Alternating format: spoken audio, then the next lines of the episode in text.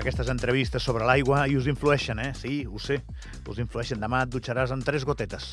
Tampoc és això, no és la idea.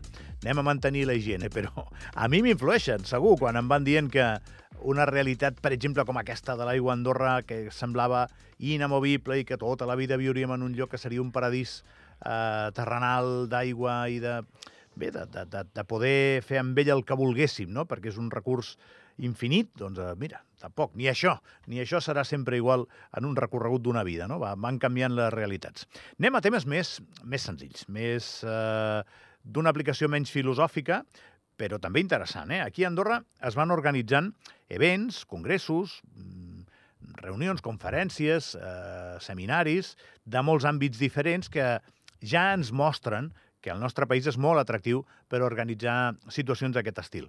Andorra Turisme, que va buscant, sempre va perseguint eh, respostes correctes a la pregunta de com portar més gent a Andorra a venir i a quedar-se uns dies, doncs va intentant tenir maneres de fer això de, de forma més, més controlada, més organitzada i que vagi passant. Ja va passant, eh? I això també li van donar, li van donar noms. Andorra Convention Bureau. Seria més o menys una idea de definir grups de persones que pensen sobre aquesta realitat del país. Enric Torres és el director de producte i nous projectes d'Andorra Turisme i ara ens il·lustrarà encara més. Enric, bon dia. Bon dia a tothom.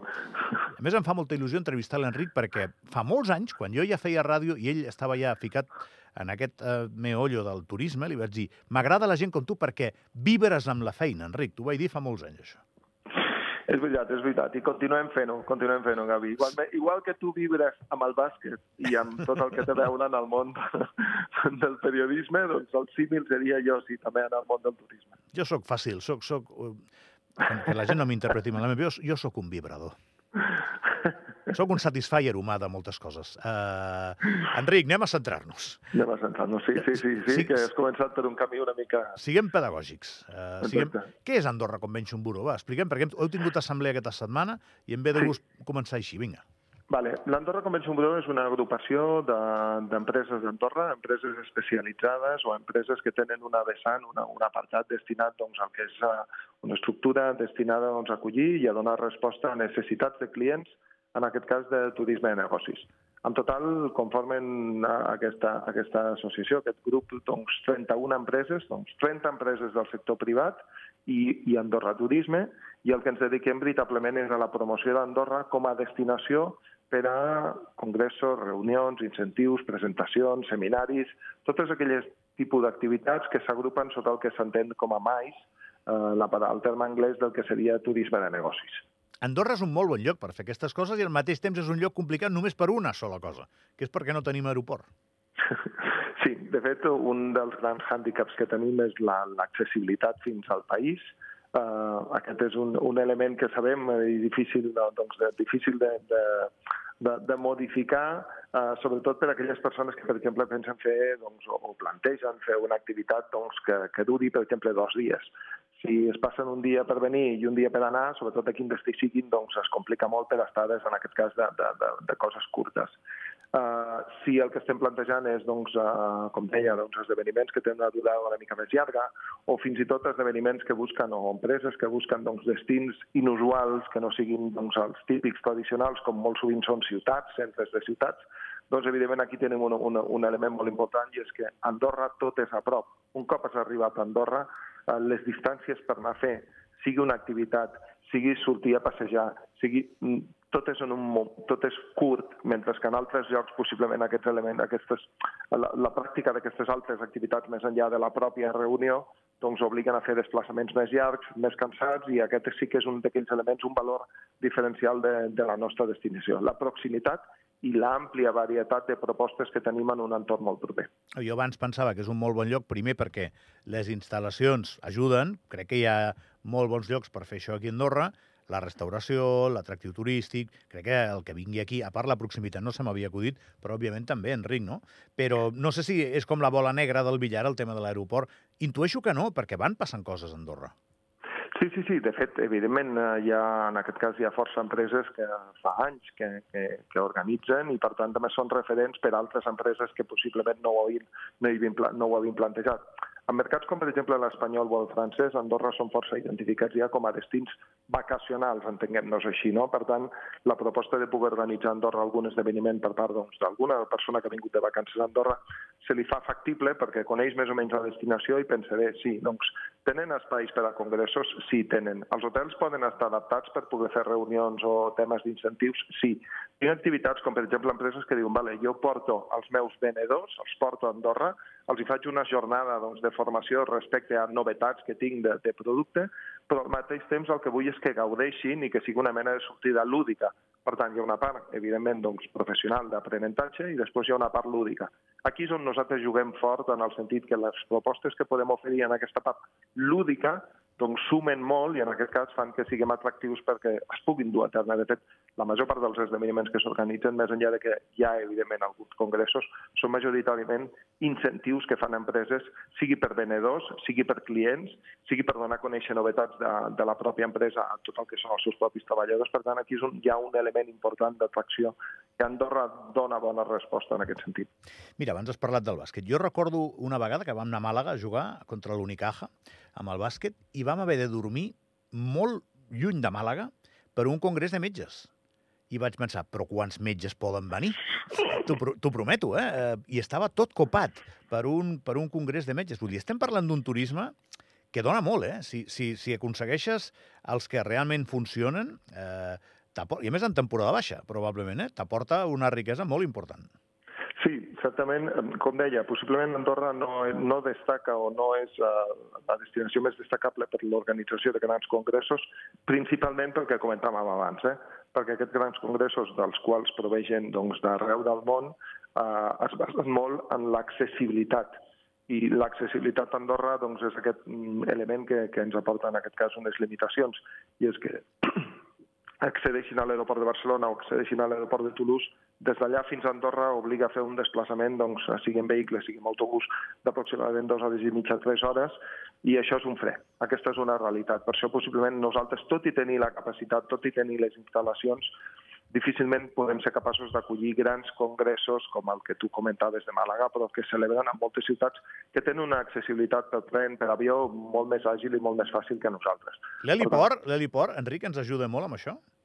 Bueno, més que, bàsicament pensa també, eh, evidentment, tot el que sigui facilitar i tenir doncs, una connexió, ampliar les connexions que el nostre país pot tenir amb altres destinacions, doncs sempre ajuda i suma. El tema és quina és la capacitat. Un heliport, eh, evidentment, ens aproparà doncs, possiblement en connectivitat a una Barcelona, a un Toulouse, que farà doncs, que el desplaçament per persones que arribin a aquestes ciutats eh, sigui molt curt poder arribar a Andorra. Però estem parlant possiblement d'un volum de, de, de públic eh, menor, no veritablement per un tema d'un congrés, però sí, per exemple, i d'això se'n fan molts a Andorra, comitès d'empresa, és a dir, direcció, eh, directius d'empreses, de, que són un grup que potser són 10, 12, 15 persones que, evidentment, aquests el que busquen és un lloc on poder descansar, on poder, en aquest cas, fer la seva reunió fora del que és el context habitual en el qual ells treballen i en aquest aspecte, en aquest sí que, evidentment, tenir una connectivitat, sigui, doncs, en aquest cas, amb un heliport, ens pot ajudar a obrir moltes portes i apropar-nos de, de moltes reunions de direccions que en aquests moments s'estan fent en altres llocs i per què no puguem estar a Andorra. Ho estic veient, eh? Tobotronc, Pont Tibetà i decidir el futur de 4.000 treballadors de la teva empresa aquí a Andorra. Ho, ho estic veient. Uh... I, segur, I segur, si em permets, i segur que si ho fas aquí a Andorra, el futur serà un èxit. N'estic convençut jo també. Bueno, jo això ja no ho sé, però, però igual sí. Posats, posats a, posats a visualitzar-ho... Tu has de convèncer el client sí, sí, de que, evidentment, si ve a Andorra, mm, vaja, tot ha, de, tot ha d'anar bé perquè després quan prengui la decisió que prengui, evidentment, doncs també sigui en aquest cas un èxit. Un minut per pregunta, que em queden dos minuts només. Enric, ah, a, a l'assemblea de l'altre dia vau estar parlant de seduir molt més del que ho hem fet fins ara, interpreto, a empreses o, o públic eh, britànic per a aquests congressos. Bé, sí, de fet, en, eh, el que ens hem adonat és que comencem a tenir, eh, en aquest cas Andorra, dins el que seria el, el públic doncs, anglès, és un destí doncs, que sobretot a l'hivern és conegut com una destinació vacacional de neu. Per tant, estem començant a percebre que hi ha peticions i demandes per part d'empreses del Regne Unit eh, per poder organitzar doncs, esdeveniments a, aquí, al, al nostre país. De fet, veiem que cada any aquest, aquest volum doncs, de peticions per part del mercat del Regne Unit doncs, va, va, va creixent i, per tant, el que hem decidit és bueno, fer una aposta per veure, doncs, més enllà del mercat espanyol i francès, que són principalment els que, en els quals ens dirigim i dirigim la major part de totes les accions que fem al llarg de l'any, el que hem decidit és eh, bueno, explorar una mica aquesta possibilitat que ens ofereix el mercat anglès. De fet, ara aquest proper mes de març tenim una, una acció que fem doncs, amb una organització d'una trobada aquí a Andorra doncs, de, de compradors i venedors de, del món del turisme de negocis i justament eh, entre les agències convidades que vindran aquí al nostre país en tenim 20 que són del mercat anglès justament en aquest sentit, no? Començar a obrir aquesta possibilitat de que empreses del mercat anglès identifiquen que Andorra pot ser un bon destí per l'organització d'esdeveniments i veure una mica com avança aquesta, aquesta línia, no? Per tant, possiblement, sí, com deies, a la reunió de l'Assemblea un dels elements que es va posar en valor va ser, bueno, mirem doncs ampliant aquests mercats i per què no fer-ho en un mercat que sembla que està començant ja a demanar doncs, propostes per poder organitzar esdeveniments a Andorra, com és el mercat anglès. Ha fet un pòstit i ha apuntat per aquí a l'ordinador que quan vinguin aquesta gent porta'm-els aquí. Enric, algun. Sí, que els coneixem. Que porti algun aquí perquè sí, el puguis entrevistar. A la ràdio, sí, estarà bé. Vale, molt vale, eh, 30 segons. Un hipotètic multifuncional us ajuda amb tota aquesta estratègia? Uh, evidentment, tot el que sigui disposar d'instal·lacions que ens permetin doncs, acollir uh, diferents tipus de... Perquè els, normalment coneixem avui en dia els congressos com el típic congrés, però evidentment i cada dia més l'entorn del turisme de negoci s'hi mouen moltes més coses que únicament uns, uns, unes persones assegudes en una butaca escoltant algú que els hi parla. No? A vegades també hi ha necessitats doncs, de, de que aquest espai tingui una petita fira, de que aquest espai tingui una part, una part de showroom, de que aquest espai... I per tant això necessitem espais per poder-ho encabir. No? Per tant, la possibilitat de que existeixi multifuncional evidentment ens obre una porta més a disposar d'una infraestructura suplementària que pugui respondre doncs, a aquest futur de, del turisme de negocis que, que evidentment doncs, cada dia evoluciona i avança com la vida mateixa, vaja. Enric Torres, gràcies per atendre'ns, eh? que vagi molt bé. Moltes gràcies a vosaltres i m'he apuntat al pòstit, eh? en sèrio? Que, que quan vinguin me'ls sí, m'has dit, apunta't al pòstit. Jo me l'apunto. Ho sé, en soc conscient que ets capaç de fer dues coses alhora. Gràcies, sí, Enric. possibilitats, cuida't, que vagi bé, Gavi. Uh, parem un momentet, com sempre, són les 10, i de seguida el programa torna amb moltes més coses. Ens posarem molt profuns d'aquí un momentet, eh? Us parlaré de com fer coincidir la religió, l'espiritualitat i l'ateisme. I diràs, això és impossible. No, ens ho explicarà de seguida el Jordi Cromines. Va.